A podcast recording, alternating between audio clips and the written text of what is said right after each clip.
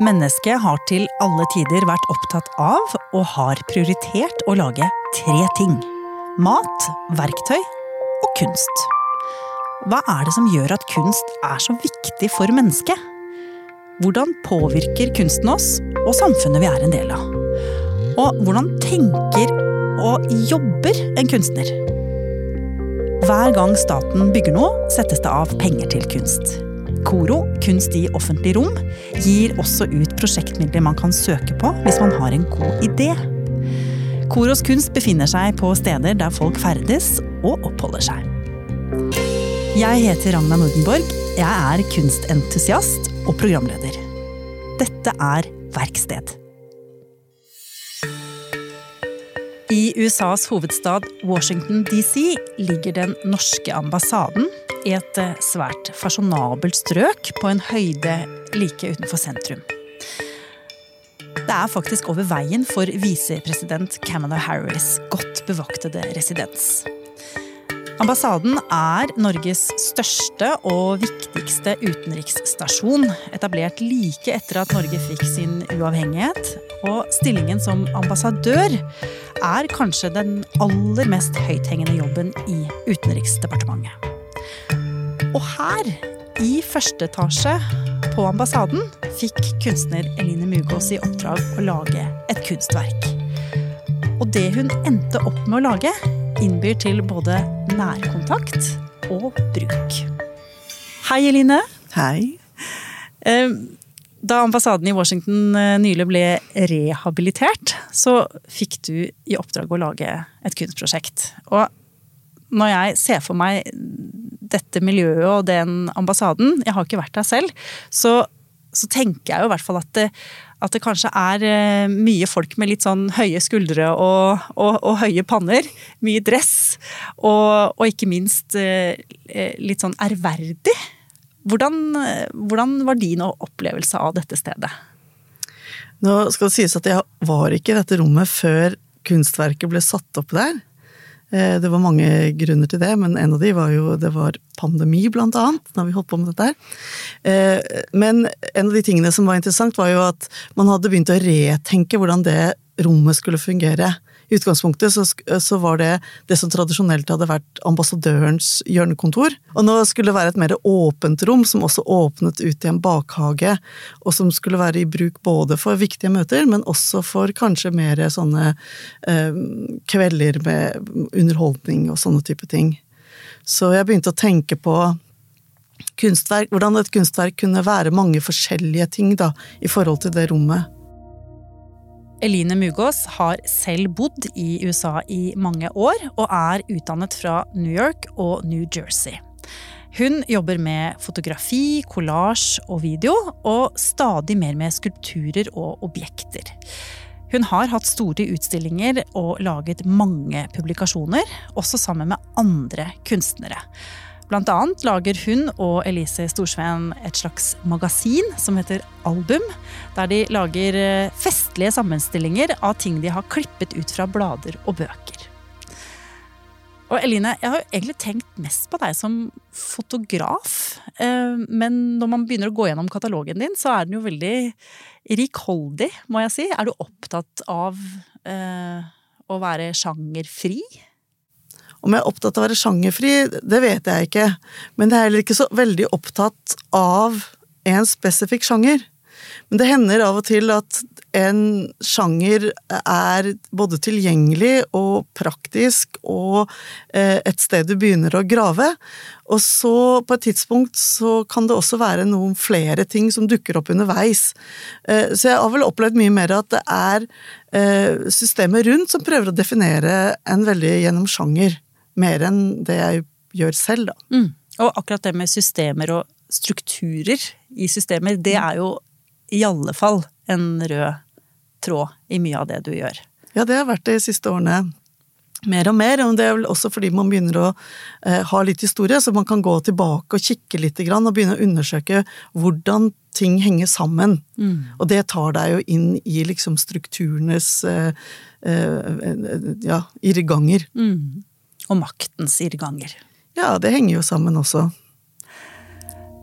På den norske ambassaden i Washington jobber det over 50 diplomater.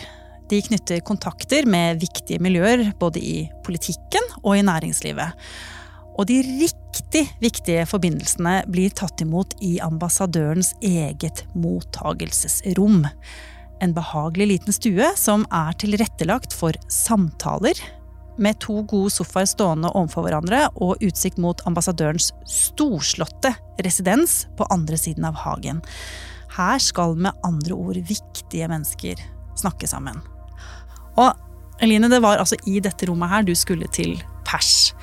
Og fikk du da noen bestilling fra Koro om hva det var du skulle ta utgangspunkt i? Eller kunne lage hva du ville? Ikke som objekter, men vi begynte vel med å ha noen samtaler. Eh, så de samtalene er jo på en måte førende, hvor vi, hvor vi, liksom kjenner litt på hvor man er i forhold til hva man tenker, og hvor man er, og eh, hvordan de eh, ideer eller ting man har jobbet med en stund, da, hvordan de kan liksom føye seg inn i en sammenheng som kan fungere. Mm. Så det er ingen føringer på den måten at man får et bestilling, men det, men det er vel mer å finne sammen eh, noe som kan være beste på flere plan, da. Mm. Ja, hvordan kan en sånn samtale foregå? At, at, konsulentene fra Koro, som da var Pernille og Marte, at de eh, eh, kommer og, og, så snakker man litt løst og fast om ting som opptar en, da, på en måte. Nå var jo de ganske oppdaterte på de prosjektene jeg hadde gjort de siste årene, eh, og hadde kanskje noen ideer i utgangspunktet, og så jobber vi oss på en måte fram mot noe jeg kunne tenke meg å undersøke, og, eh, og hvordan det kan fungere i den sammenhengen. Og etter hvert så kom dere jo til en enighet, og du fikk også da bestemt deg for hva det var du ville lage. Og kan ikke du beskrive for de som ikke har sett det, hva det er du har laget? Mm. Ja, utgangspunktet for det er en serie med det jeg kaller for lesestener. Som er en, en slags bokstøtter. Eh, men for dette møterommet på ambassaden, så var det viktig å sette denne, dette i en litt større sammenheng, eh, og ikke ha det så oppdelt i enkeltobjekter. Så eh, da laget jeg en, også en hylle som de står på, som løfter de opp fra gulvet. Og istedenfor å lage det inn til en pedestall, så gjorde vi det om til en Eller jeg laget det om til en bokhylle. Eh, og den er da presentert med bøker, sånn at du kan løfte bøker ut av bokhylla og legge de oppi bokstøttene og bla gjennom bøkene, eller la de ligge åpne. Mm. Og disse bokstøttene de er, de er formet eh, på en måte som en Åpen bok. En åpen bok. Så når du, åpner, når du legger en bok åpen i den, så vil den holde den boken åpen eh, for lesning.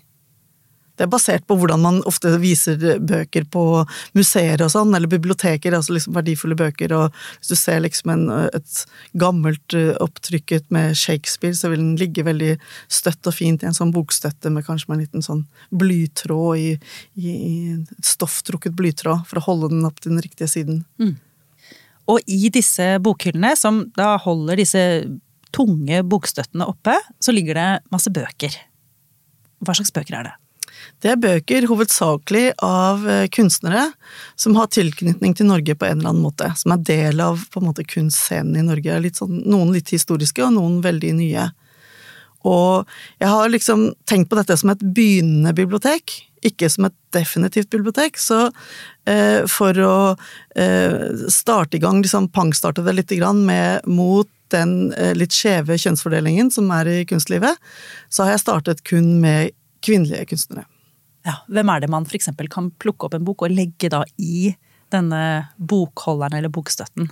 Ja, det er alt fra Frida Hansen til um, uh, Elisabeth Haarr, Vanessa Baird, Lotte Konow Lund, og en bok jeg har laget selv også, med Siri Aurdal, eksempel. Mm. Disse bokstøttene, eller bokstativene, eh, hva er det som gjør at du syns at det måtte bli uttrykket? Hva fascinerer deg med det? Jeg har jobbet med, med, med bokstøtter en stund. Jeg har vært interessert i de. Og, så dette var en mulighet til å, å, å kunne gjøre et større sånn støpeprosjekt, fordi, fordi, det plutselig budsjettet her gjorde at vi kunne liksom se på det på en, på en litt større måte. Men jeg har jobbet med støtter også i en større sammenheng. Jeg har vært interessert i hva er det hva er de tingene som støtter opp under det som skal synes, og hva er den jobben, og hvem gjør den jobben for at noe annet skal synes? Og er det mulig Altså sånne spørsmål som er Er det mulig å få det som syntes, eller det som skal vises fram, og det som støtter oppunder, til å synes begge to samtidig, eksempel? Det er veldig nesten helt umulig. Mm. Og, og, det selvfølgelig handler jo om, igjen da, de større strukturene eh, også. Så jeg har vært interessert i hvordan man med, med objekter kan undersøke strukturelle spørsmål som på en måte ikke har en form da, på den måten, eller ikke er så lett å peke på. Mm. Og Så kan du ta et enkelt objekt, og så kan du peke på de tingene gjennom det objektet. Hvordan kom du fram til at ja, bokstøtte, det, det er jo selve symbolet på det jeg er opptatt av? Vel, jeg har sett på veldig mange forskjellige former for støtte, så det er én av de. Eh, men det, det, begynte jo veldig enkelt med at jeg har laget noen bøker. Og fordi jeg tenkte på de bøkene som kunstobjekter, så var jeg også interessert i å kunne vise dem frem i utstillingssammenhenger, eller når det var boklanseringer, eller også på en måte gå frem og tilbake mellom det at noe er et bruksobjekt, og at det også er et kunstobjekt. Og se på hvor de grensene er mellom de to forskjellige tilstandene. Og da begynte jeg å kikke på når jeg var på museer først, og så begynte jeg etter hvert å lage også. Jeg laget i papp, og jeg laget i masse forskjellige måter, da. For å se på og undersøke hva som skulle til. Hva er en, hva er en bokstøtte jeg lett kan ta fra hverandre og putte i en koffert og ha med et sted, eller hva er en større ting, eller hva er det som holder en bok godt, da. Mm. Og hva er det med deg som gjør at du er så opptatt av dette med eh, støtten til det som egentlig på en måte blir satt fram som det som skal skinne og, skinne og blinke. Mm. Dette var et, et, en problemstilling som jeg ble veldig opptatt av da jeg begynte å jobbe med en kunstner som heter Siri Aurdal. Som jeg begynte å jobbe med i våren i 2012, så det er litt over ti år siden. Uh, uh, og hun var en kunstner som jeg ikke kjente til, og som jeg kom over i, eh, når jeg gjorde research for en utstilling som jeg kokuraterte med, med Kunsthall Oslo, blant annet. Eh, og som på en måte hadde gått helt under min radar. Og så ble jeg veldig eh, overrasket over at hun på en måte hadde forsvunnet ut av norsk kunsthistorie. Så jeg endte opp med å jobbe med henne veldig lenge, og på en måte prosjektet ble med henne å få henne på en måte trygt plassert inn igjen i den norske kunstkanonen, på en måte. Eh, eh, og hun er en generasjon eldre enn meg. Og det, så den, den undersøkelsen ved siden av å gjøre all den jobben som skulle til da, for at dette ble mulig, så ble det på en måte et sånt metanarrativ som handla om undersøkelsen av de maktstrukturene som ligger til grunn i kunstverdenen. Mm. Og Det var veldig interessant for meg, og, og, og det, det, sitter jo ditt eget kunstnerskap i perspektiv også, da. Sånne. Mm. Ja, fordi eh, det er jo da en kvinne som, eh, som du velger å løfte fram, og mm. du blir på en måte eh, støtten, da. Altså du blir, du blir det samme som disse eh, terrazzo-støpningene dine i ambassaden. Ja, det var jo noe av det som var interessant med det, å se det at for å løfte henne fram, på en måte, og få henne til å skinne og blinke på den måten som gjorde at folk eh, liksom, eh, liksom stoppet opp og så etter, så var jeg helt nødt til å gå på akkord med min egen eh, rolle som kunstner, på en måte. Jeg måtte bli litt usynlig sjøl. Mm. Og, og, så på en måten så var det undersøkelsen av hva, hva, skal til for at noen orker å stå i offentligheten, hva må de ha i ryggen? Det var liksom den ene tingen jeg undersøkte. Og så tenker jeg liksom hva er det du trenger selv, da? Du trenger noen som tror på deg, og du trenger liksom noen som sier at dette går bra, når det ikke kjennes ut som ting går bra, eller at du må reise deg igjen, og alle disse tingene. Men så var den andre tingen som handlet om den derre, igjen da dette her at eh, at det var helt umulig å kjøre de to prosjektene liksom likestilte. Og det fant jeg veldig, veldig fascinerende Så tenkte jeg at For meg så lå det en type nøkkel der som plutselig handlet om kvinneroller, en mye lengre perspektiv. Om, om, om liksom hva det vil si da å være den som står som, som spiller annenfiolin, eller som står bak, da og passe på at noen har rene skjorter og får middag og klarer å gå på jobben neste dag og klarer å stå i stormen da, på en eller annen mm. måte. Vi må snakke litt om hvordan du også velger å utfordre selve materialet. For i dette verket ditt på ambassaden i Washington, så, så bruker du jo eh, terrazzo, det fortalte du jo. Eh, hvorfor har du brukt det, og hva er det du vil si med det? Ja, eh, det er interessant uh, å gå i dialog med de materialene som fins rundt oss, som hverdagsmaterialer, eller uh, som å gi et materiale en form det ikke vanligvis opptrer i, da. Uh, både å tøye materialets liksom, muligheter, men også i forhold til hva det bærer med seg av verdi eller ja, som verdiobjekt, da, rett og slett. Eh, at det fins hierarkier der også, så det er også noe man kan leke med eller undersøke da, gjennom når man lager kunstobjekter. Nå er det jo alltid sånn at eh, forskjellige materialer har forskjellige kvaliteter, og, så det var en utfordring å lage disse eh, objektene i det materialet. Så, så fordi det materialet fungerer veldig bra når du skal lage et flatt gulv. Mm. For kan, det er flytende.